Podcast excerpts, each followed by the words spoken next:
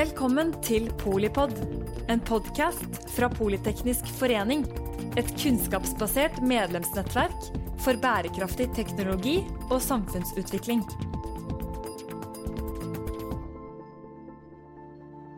Hei og velkommen til denne episoden av Polipod eh, i serien Morgendagens næringer. I dag skal vi snakke om morgendagens offshore leverandørnæring. Med oss har vi med noen av landets fremste eksperter på området. Sveinung Fjose, partner i Menon Economics. Atle Blomgran, seniorforsker i Norse. Gaur Austigard, CEO i Moreld. Alice Elene Tefre, eh, Vice President for Performance Management and Control i Equinor.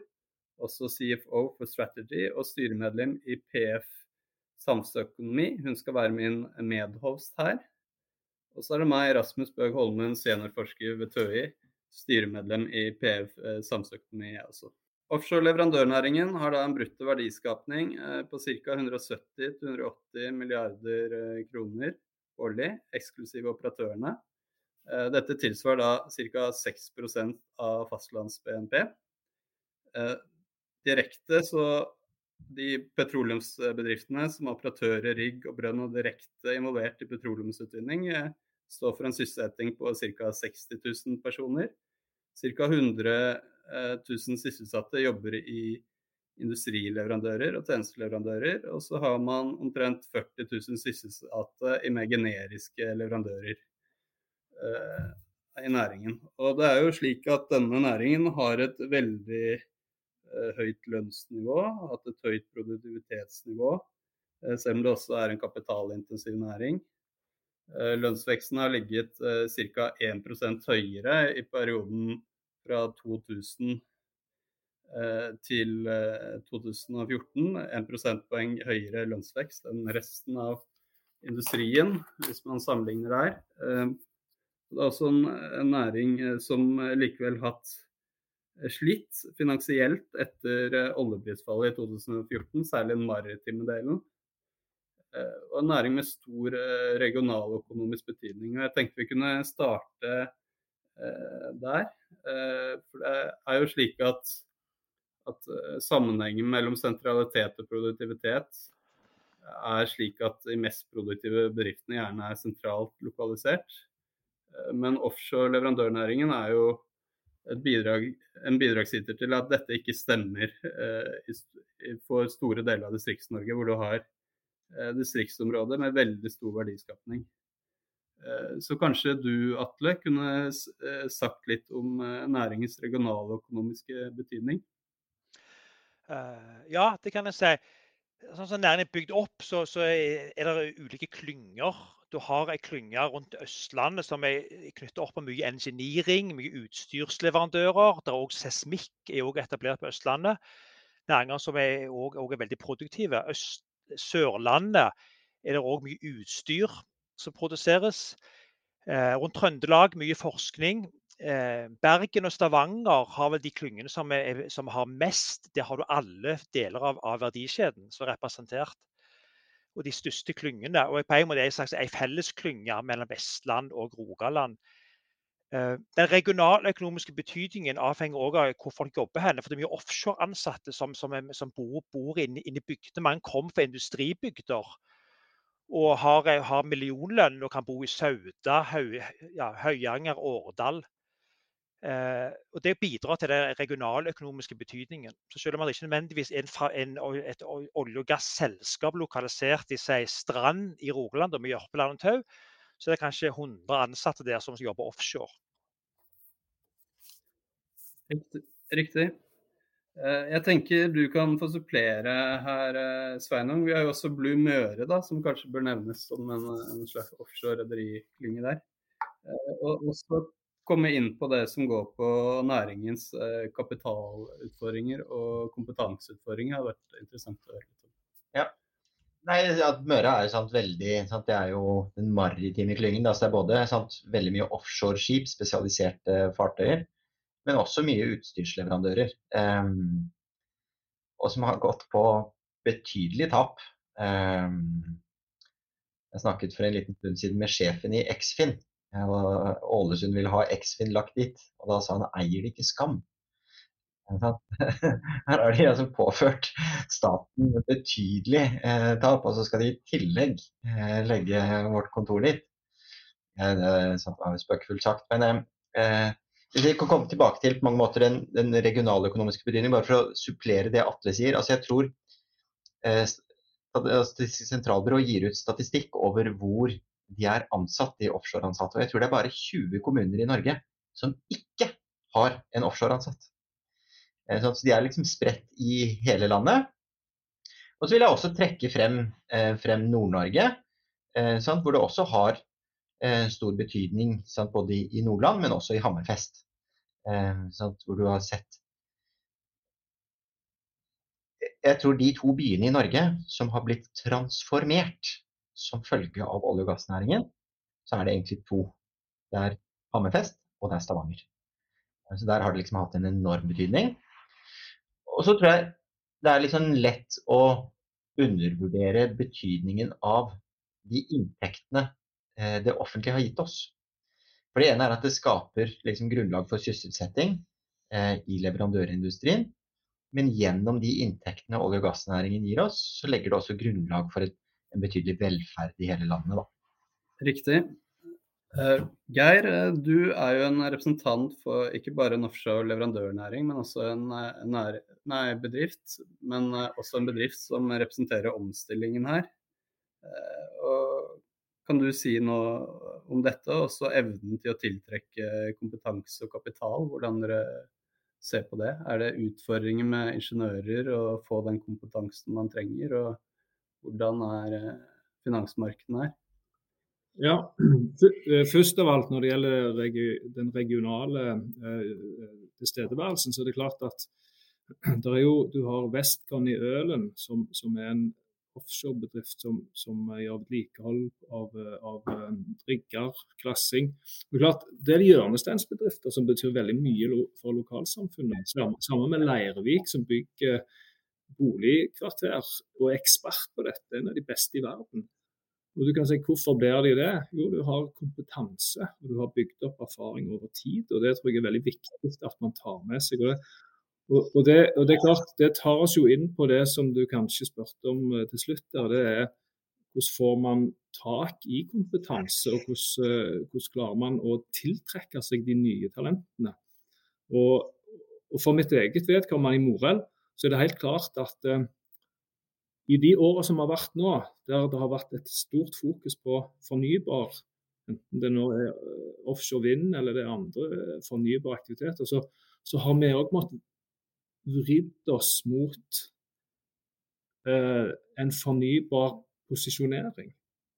Så har vi et selskap som Karsten Moholt i Bergen. De, de tar elektromotorer, brukte, utslitte elektromotorer, tar de inn til sitt verksted. Eh, skifte ut lager og vikle de om igjen. Og kan, re, og kan gjenbruke elektromotorene. Og det, og det, er klart det har jo en, en enorm positiv uh, miljøeffekt. Men det har aldri vært framstilt sånn tidligere. Så, vi, så vi, vi, har vel lært oss at vi må bli mye flinkere å fortelle de gode historiene. Og, vi, og når vi gjør det, så, så, så ser òg de unge og at jo, det foregår faktisk mye kult og fornybart i selskapene, men vi har bare ikke vært flinke nok til å kommunisere. Så har vi selvfølgelig i Morell starta et eh, offshore vind-selskap som har, uh, har, hatt betydelig suksess. Og Det er de, er jo de opplagte tingene som alle snakker om. Så, så, så det, men, men, det er så mye annet òg som jeg ønsker å framheve, som med dette eksempelet fra, fra Bergen og elektromotorer. Det er jo ingen tvil om at uh, offshore leverandørindustrien i Norge er både betydelig og betydningsfull. Sånn vi snakker om kompetanse, vi snakker om verdiskaping og vi snakker om arbeidsplasser. Og arbeidsplasser utover hele landet. Og Det er jo interessant dette som du sier Sveinung, at uh, det er kun 20 kommuner i Norge som ikke har noen som er ansatt i petroleumsnæringen.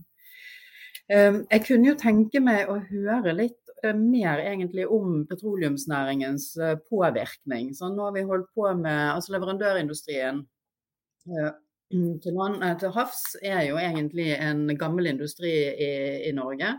men vi har holdt på med petroleum i de 50 siste årene. Ehm, det er store penger involvert. Det er komplekse prosjekter vi snakker om. Og det er veldig strenge krav til helse, miljø og sikkerhet. Det er kanskje tre sånne knagger som, eh, som kjennetegner eh, petroleumsnæringen godt. Uh, og For å liksom gi litt sånn dimensjoner i forhold til det med penger, så er det sånn at de investeringene som går innenfor petroleumsnæringen, de representerer ca. en femtedel av, av alle investeringer som gjøres i produksjonsutstyr i Norge årlig. Um, og selv etter 2020 og eh, covid-pandemien, uh, hvor etterspørselen etter olje og gass uh, globalt sett falt med nesten 10% så er vi fortsatt på et veldig høyt nivå når det gjelder investeringer. Så man anslår at for året i år, 2022, så skal det investeres rundt 130 milliarder kroner i petroleumsnæringen i Norge. Det er store, store tall. Og 130 milliarder. Man ser for seg at det vil øke i de nærmeste tre årene. Um, så hvordan er det egentlig? Jeg tenker jeg vil begynne med deg, Geir. Altså, hvordan har og, og hvordan påvirker uh, i dag, petroleumsnæringen, norsk eh, offshore leverandørindustri. Og, og, for ikke bli liksom kanskje for opphengt i, i historien. Um, vi er jo midt i en energiomstilling, og vi vet at fremover så har vi betydelige utfordringer når det gjelder uh, det å redusere klimaavtrykket vårt. Så litt om liksom, hvordan ser du petroleumsnæringen og offshore leverandørindustri både i et historisk og, og sånn fremtidsperspektiv? Ja, det, det, er helt klart at den, den, industrien som du her beskriver, har hatt, uh, har hatt historisk en, en, eventyrlig utvikling. Og så har han hatt en syklikalitet som har vært uh, uheldig. Så, så, så, det er klart uh, En del av det som bransjen har, har hatt utfordring med, det har vært at vi, har vært veldig avhengig av hvordan er tidene i, i bransjen Oljeprisutvikling har vært en viktig driver. Og, og, i en situasjon i dag der oljeprisen har nådd nye høyder, hva var det, 117 dollar per fat eller noe i dag, så, så, er det klart at det, drivkraften er jo enorme hos alle, alle operatører til å, å, til å, utvikle rask produksjon. For å, nytte, for virkelig å, å, ta fordel og, ta, og, få solgt mest mulig produkt eller olje på disse prisene. Det gir en utfordring, selvfølgelig. fordi at det, eh, igjen så henter bransjen mye folk. Trenger mye folk. Og det er for lite, eh, der er, der er for lite arbeidskraft der ute. Eh, samtidig så skal vi nå, i motsetning til tidligere, òg gå inn i nye bransjer. Altså nye og i fornybar aktivitet. Så, så her står vi foran et dilemma. Og Det er et viktig, viktig tema for, for bransjen det å bruke den kompetansen som man har starta å bygge nå innenfor fornybar, og, og, fortsette å investere der. Og ikke la alle, alle ressursene gå rett over på kanskje det som blir veldig lukrative jobber eh, retta kun mot olje og gass. Så jeg tror, jeg tror at eh, det, å, det å, å, ha en veldig bevisst holdning der en der en står ved satsingen i det fornybare, det vil være helt avgjørende for at Norge klarer å ta del i det eventyret som, som vi snakker om på, enten det er på Utsira eller på sørlig Nordsjø, eller, eller utenfor uh, Norges grenser på fornybar. Det er jo ingen tvil om at det kan være krevende å stå i en sånn langsiktig eh, satsing når en ser hvordan energimarkedene er i dag og, og behovet for eh, energi, særlig i, i, Europa, men også globalt sett. Så jeg tror det er gode betraktninger du har der med den, den langsiktigheten for at vi skal få et omstilling. Men, eh, men Sveinung og, og, Atle, hvordan ser dere, hvis dere ut ifra det materialet som dere jobber med um, og analyser som dere har gjort, kjenner dere igjen eh, hverdagen som Geir eh, beskriver? Ja, jeg gjør i hvert fall det. Eh, altså Vi har egentlig sagt i lang tid at det grønne skiftet er godt for olje- og gassnæringen. Eh, og jeg syns egentlig 2021 er et bevis på det. Altså De høye gassprisene vi hadde i Europa i forkant av Ukraina-krisen, de skyldes jo flere forhold. Sant? Det skyldes at Russland leverte lite, at nederlandske reserver har begynt å gå tomme. Men også at Eh, det var for lite produksjon i grønt og sterk etterspørselsvekst fra Kina og India, drevet av deres ønske om å kutte utslipp. Så når verden ønsker å kutte utslipp, så øker på mange måter etterspørselen etter, eh, etter gass. Og så syns jeg det virker positivt på en annen måte også. Eh, og det er at med de høye prisene vi har nå, så blir det også lønnsomt å foreta investeringer i ren energi. Og det er Hvis du ser på om, hvilke aktører som nå foretar investeringer i ren energi i Norge, så er det jo olje- og gasselskapene er jo mangegangeren av de investeringer i ren energi som foregår på Fastlands-Norge. Så Det er liksom de som gjør dette her. Så, men, men, at det er et problem å, å skaffe folk, ingen tvil. Uh, før jeg slipper deg til, uh, Atle, er det lønnsomhet i, uh, i fornybart allerede, Geir? Ja, jeg burde jo kunne svare på det. Vi har jo, vi har jo virksomheter i fornybart. Og ja, vi har lønnsomhet i fornybar. Det er fordi at vi har satsa eh, utenfor Norge eh, på prosjekter som er i både Europa, USA og, og Asia. Og hundeprosjekter. Sånn at eh, uten det, uten vår satsing internasjonalt, så hadde vi definitivt ikke klart å ha uh, lønnsomhet. Men det har, vi, det har vi nå. Og etter et, et godt år med et Ocean Wind-selskapet vårt, så blir det lønnsomt nå i de neste månedene så har vi gjerne vært heldige, og det tror jeg vi skal, det har vi nok vært. Så det er nok sånn at det, det, å gå i det fornybare nå vi vil nok medføre at man må satse en del kroner for å, for å ta posisjon. Uh, og så kommer lønnsomheten om noe tid. Så det, det er relativt um, Jeg skjønner at det er tøft for en del aktører å gå inn i det markedet nå. Og så tror jeg at du må ut for Norge, for der skjer det mye. I Norge så er vi litt trege, og, og det går noen år før vi har Eh, aktivitet her. Så, så, så skal, skal, du få til ting tidlig, så pass ut. Atle, jeg avbrøt uh, deg. Uh, ja, ja, jeg kan også legge til at når vi, når vi, ser på det som skjer nå, så er vår overvåkede inntrykk stemmer med det som er sagt nå. at at det grønne hjemmemarkedet er ennå veldig veldig smått, puslete. Det, skjer mye, det er mye som skjer med oljeselskapene. Vi, vi, vi, vi, begynner å røre på oss og gå inn på ting, men det er relativt smått.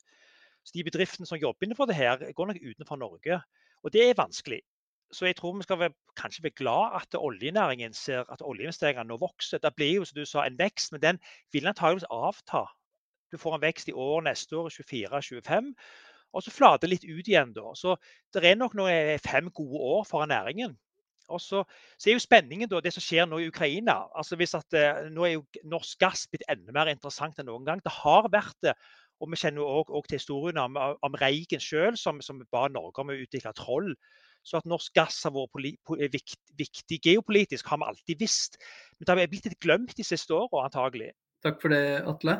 Eh, da skal vi bevege oss over eh, i temaet omstilling. Og i forlengelsen av det, det skal gå på teknologi og eksport. da. Eh, som jo er to veier videre her for næringen. Jo, den ene dimensjonen her er jo at næringen Eh, er eh, teknologiledende på mange måter eh, på offshoreproduksjon. Leverer topside-utstyr.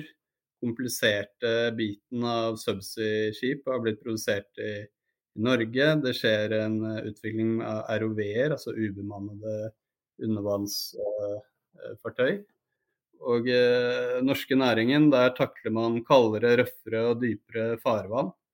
Og Det er jo også en kjensgjerning at uh, disse uh, supply-skipene de går ofte på lange kontrakter, og det kan være en risiko her. Uh, som kontra PVS og ankerhåndteringsskip som er mer spot. Og da, da, vil jo en teknologi kunne bidra til å, til å jevne ut den risikoen noe. da. Også andre dimensjonen her er det med miljøvennlige løsninger. da.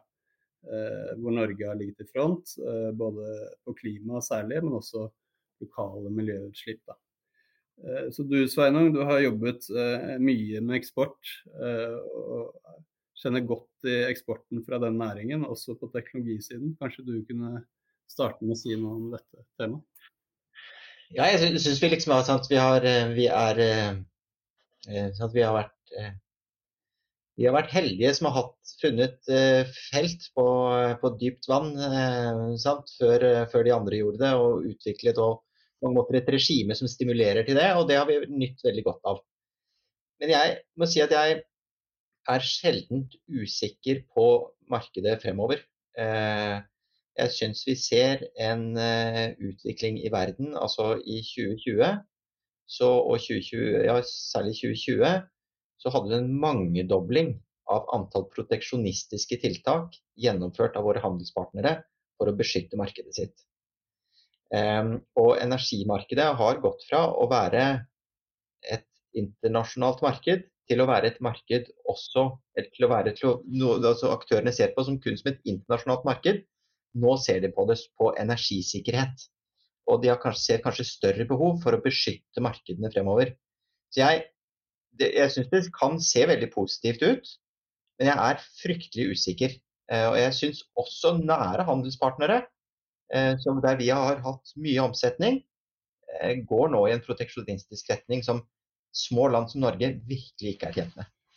Veldig interessant, Sveinung. Jeg tenker naturlig nestemann ut her er Geir. Du er jo tett på som en representant representant for en av disse bedriftene, både når det gjelder teknologi og eksport?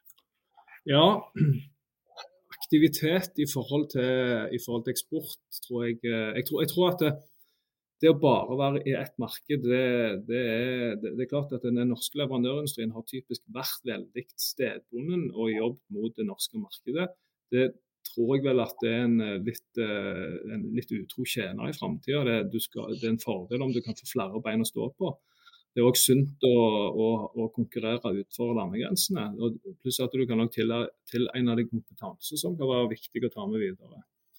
Eh, når det gjelder fornybarsatsing eh, generelt, så, så, så, er det, det, er ikke enkelt for, for veldig mange bedrifter å, å, gå inn i de fornybare markedene. Altså det, det krever, det krever å se på nye muligheter. Det krever å skjønne andre dynamikker i, i et energimarked som, som, er veldig ungt og veldig volatilt.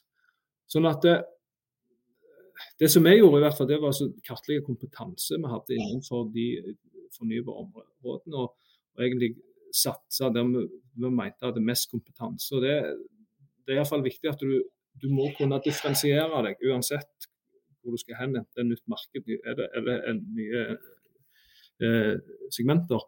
Så, så, det å være bevisst på at en har, en har en differensiering, en kan være bedre enn de fleste, eller, eller nesten alle konkurrentene. Sånne vurderinger er, er vesentlige for å få suksess, tenker jeg. Kan jeg få følge opp eh, bare et spørsmål på, på, det du sier der, Geir. Tenker du at det betyr noe? For vi ser jo innenfor fornybar at det er en Eh, det er en helt annen type aktører enn de som er i petroleumsnæringen på, på norsk sokkel og som operatørselskaper der. Men så har jo øh, oljeselskapene gradvis kommet etter og begynt øh, å bevege seg inn i fornybar. Tror du det kan bidra til å hjelpe leverandørbedriftene ut, eller spiller det egentlig ikke så stor rolle? Gode kontakter er alltid viktig uansett hva du skal gjøre. Så svaret til det er ja. Så det, det, vil jeg både Jeg tror på vegne av mange så vil jeg håpe og tro at, eh, at det kan være tilfellet. Og vil òg sterkt eh, tenke at det er, det, det er, positivt av mange initiativene som tross alt Equinor og andre tar for å dra med seg leverandørene. Så det, det er helt, helt, klart positivt, det, og det, har, det, er veldig viktig. Kan jeg, å, kan jeg bare kommentere litt? Riktig. Vær så god. Fordi jeg, jeg synes, jeg tror du er heldig, Atle, som, eh, som, har kompetansen og som har kapitalen. fordi egentlig så er noe, hvis du ser på leverandørindustrien, så er det litt sånn overraskende at de ikke har omstilt seg mer. Sant? Fordi lønnsomheten i olje og gass har egentlig vært veldig svak veldig lenge. Så hvorfor har de ikke snudd seg allerede? Og svaret på det er at mange av disse aktørene som kunne ha levert til, til det grønne, de er låst til olje- og gassnæringen fordi de har gjort så mange sånne, det vi kaller for relasjonsspesifikke investeringer. De har investert så mye i fartøyer som er spesialisert mot olje og gass. Og så har de kommet med underskudd, og så har de brukt opp egenkapitalen. Og så skal de da liksom gå til banken og si sånn, ja, kan vi få litt mer lån sånn at vi kan gå inn i en ny næring? Så sier banken litt sånn, nei, jeg tror ikke det. Altså, sånn, så jeg, så, så, de har problemer med å omstille seg, jeg tror jeg liksom vil være en del av, av utfordringsbildet her, da. Riktig. Ja, dette, dette bringer oss over til spørsmålet til Atle. Da. For det er jo eh, Geir var inne på det med omstilling til andre geografiske markeder. Men det er jo klart at man kan jo også omstille seg til andre eh, sektorer. Eh, kanskje enklere for tjenesteleverandører som Siemens og DNV enn for industrien. Da har jo da andre sektorer man kan satse på. Da. Fornybar, annet havbasert, andre teknologileverandører. Eh, og så er det en annen dimensjon her. Det er dette med Ukraina og sikkerhetsutfordringer. At uh, kanskje uh, etterspørselen etter norsk gass vil være viktig fremover. Så er det jo ikke gitt at det vil komme leverandørindustrien i den grad til gode hvis det eksporteres rett ut. så jeg tenker dette er temaer du kan ta tak i, Atle. Uh, ja, uh, når vi snakker om andre markeder og omstilling, så har, har, vi, har vi uh, vært inne på en del av utfordringene til nå. En utfordring kanskje det, dette med at oljenæringen er veldig spesiell. Det er skreddersøm. Det er store, store prosjekter, det er skreddersøm. Så en del leverandører sier i oljenæringen skal du utvikle løsning, så, vil, så, så, så mottar du en kjøpsordre, en PO, fra en, et oljeselskap, så finansierer utviklingen av produktet, av løsningen. Det gjør ingen andre næringer. Så, så det, det, er en del strukturelle forskjeller som gjør dette vanskelig. Så en annen bedrift i Stavanger sa en gang de har aldri jobba med markedsføring. Altså, Kundene ringte til dem. De bare tok ordre, altså, altså svarte svar, svar på telefonen på en blanding av norsk og engelsk og tok ordrene. Det kan du ikke gjøre innenfor havvind eller andre næringer. Du må jobbe på en helt annen måte. Det har nok en del industribedrifter Brensib trodde var lettere enn hva de trodde å gå inn på nye markeder. Eh, så, så, Derfor tror jeg også at det som er sagt her, når oljeselskapene griner på nye områder, så er det en fordel, faktisk. For det, det er bedrifter det, de er vant med å jobbe med disse. Kan Geir ha ordet her. Ja, vet du hva. Det du sier der, Atle, det er ekstremt korrekt. Eh, når, jeg, eh, når, jeg, kom inn i dette selskapet eller i Morell, så, så, ser jeg det at eh, det genet som heter salgsgenet, det å gå ut og oppsøke kunden det er ganske svakt. Så det har vi jobba veldig mye med. fordi at det, Norske bedrifter og norske ingeniører er faktisk veldig gode til å tenke nytt. I forhold til våre kollegaer i Asia f.eks. De er mer opplært til å gå i takt og, og, og, ikke, og ikke, være så kreative.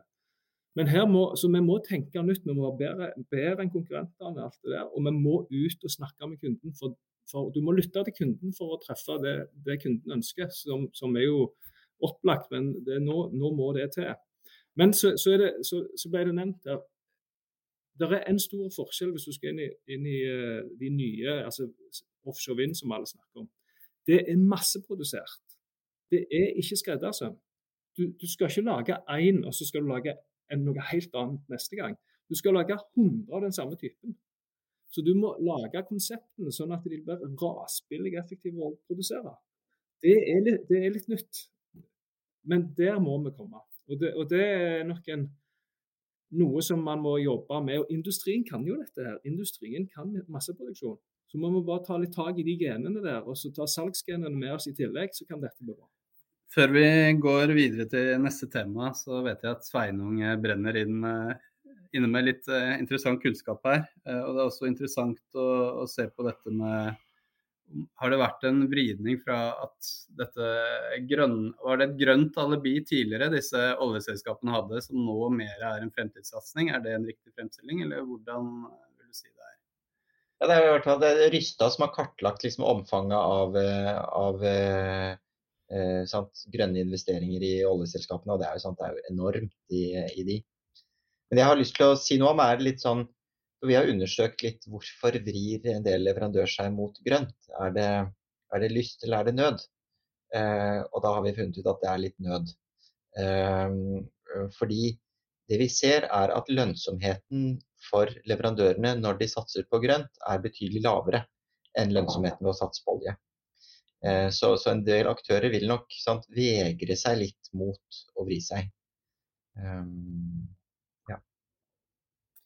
tenker at eh, Det du sier der, eh, Sveinung, eh, gir jo også resonans inn i operatørselskapene. For Det er klart at det er en enorm lønnsomhet i olje og gass, og en lønnsomhet som er vanskelig å se at du vil finne igjen noen andre steder. Um, ofte omstiller du deg jo fordi at du, du blir nødt fordi at det er lavere marginer der du kommer fra enn der du skal til. Mens her har vi jo egentlig en næring som omstiller seg fra høye marginer og inn i lave marginer. Og det er ganske spesielt. Og så syns jeg jo det du, du Geir er inne på, dette med å ha kundefokus. For det, det, er jo en næring som ikke har trengt å ha kundefokus. For det at uh, altså, du pumper opp olje og gass, og du får solgt den. Og på leverandørsiden så tar dere telefonen og svarer så godt dere kan og fyller inn i ordrebøkene. Så det, jeg tror nok at vi står overfor en ganske annerledes fremtid eh, som, som, næring samlet sett eh, enn det vi kommer fra. Men nå har vi jo snakket en del om eh, fremtidsutsiktene for eh, norsk eh, offshore-leverandørindustri sånn samlet sett. Og, og, jeg ser jo at det er mye kunnskap og kompetanse i den næringen som vi kan bringe med oss videre inn, inn i fremtiden. Um, og da både skape verdier og skape arbeidsplasser fremover. Men ser dere at liksom bildet er det samme for hele industrien, eller ser dere at det kan være litt sånn forskjell mellom de ulike bransjene innenfor industrien? Hvis vi helt til slutt kunne liksom prøvd å bryte ned denne, denne, leverandørindustrien litt, og så se på de ulike segmentene. Har dere noen betraktninger rundt eh, det? Jeg ser Atle sitter og nikker på hodet, så jeg, jeg begynner med det, Atle. Uh, ja, det er et, et, veldig interessant spørsmål. Så det første vi må klare over er at uh, vi snakker om her som oljenæring. Mange av bedriftene er, er, er mye, mye, eldre enn olja. De eldste er jo 150 år gamle. Aker, Kverna, Rosenberg, Eibyl. De hadde andre navn. Eh, noen har hatt andre navn, men de er mye eldre bedrifter som har levd før olja og vil best mest leve videre etter olja òg. Det er punkt én. Punkt to, det har òg med eierskap og spesialisering, som Sveinung var inne på.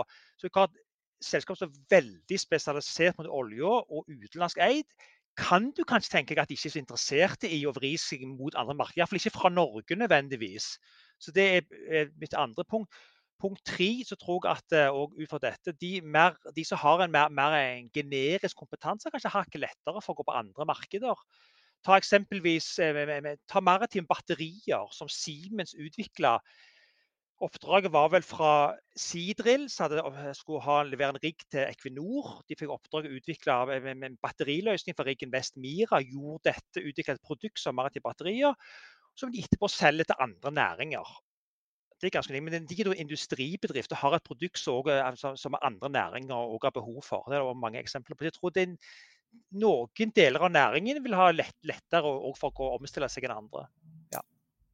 Høyre eller Sveinung, har dere noe dere vil tilføye?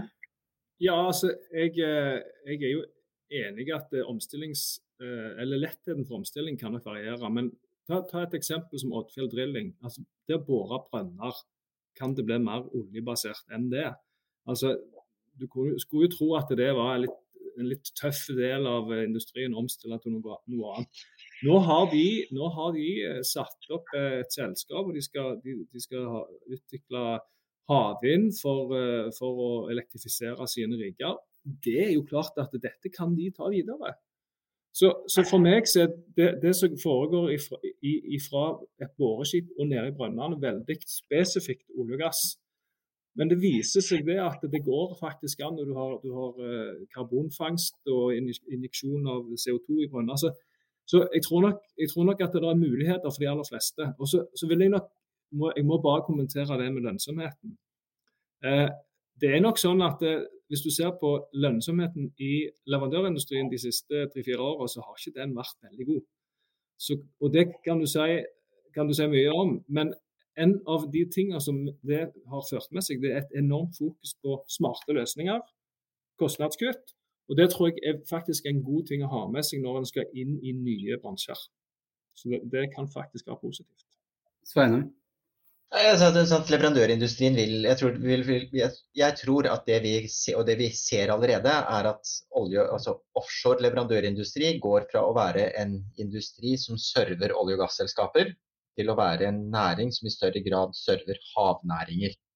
Um, de server akvakultur, altså oppdrett med havbasert oppdrett. De server eh, offshore vind, eh, og, og, de server mange andre. Og så må jeg bare ha et lite sånn hjertesukk, fordi eh, sant, vi startet med å snakke om på mange måter at det var vanskelig å få tak i folk.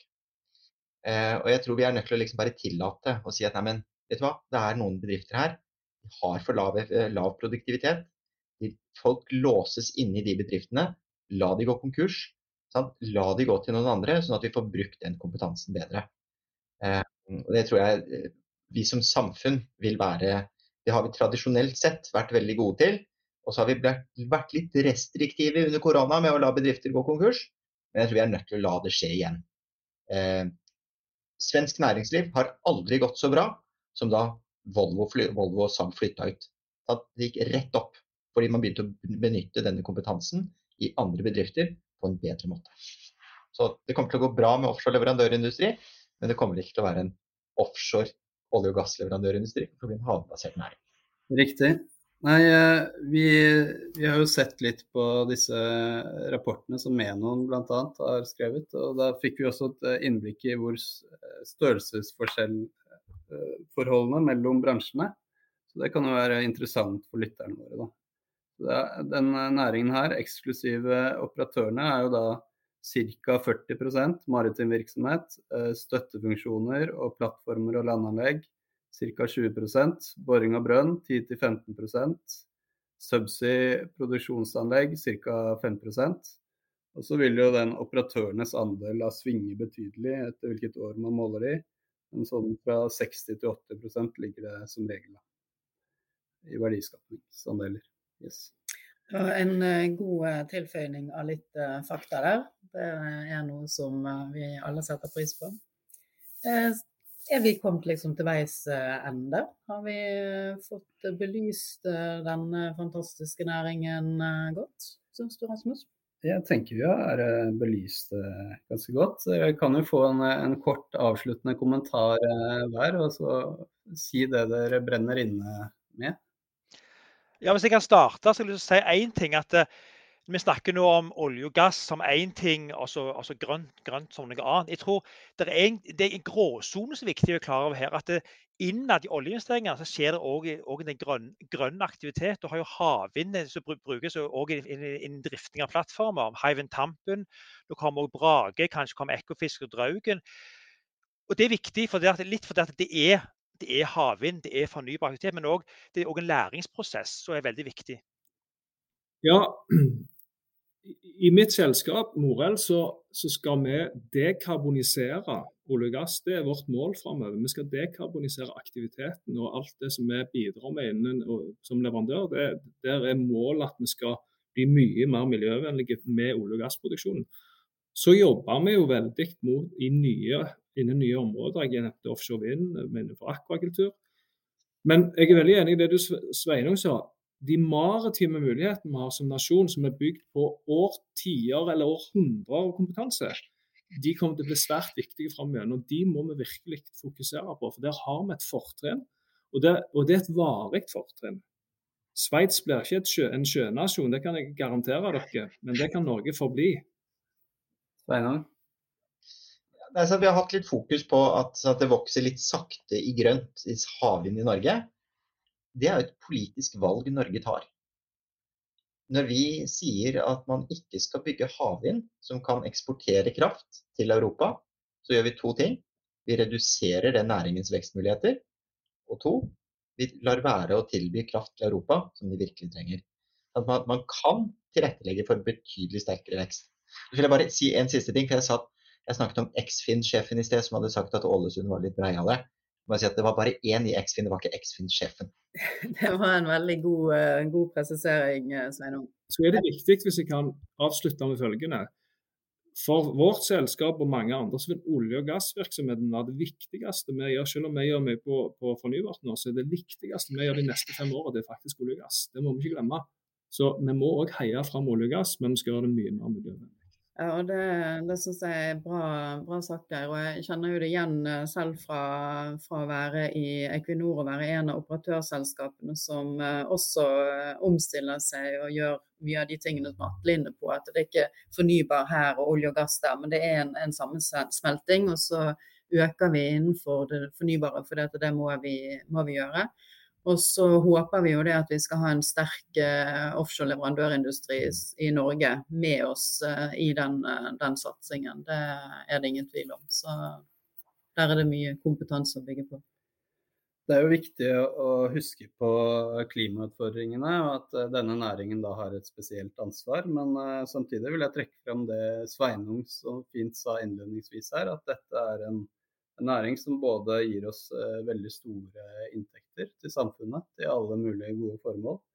Ikke bare gjennom de petroleumsinntektene som er direkte, men også ved at eh, denne næringen har et eh, høyere lønnsnivå og god kapitalavkastning som har kommet det norske samfunnet veldig til gode. Da. Så med dette så vil jeg takke lytterne for at de hørte på oss.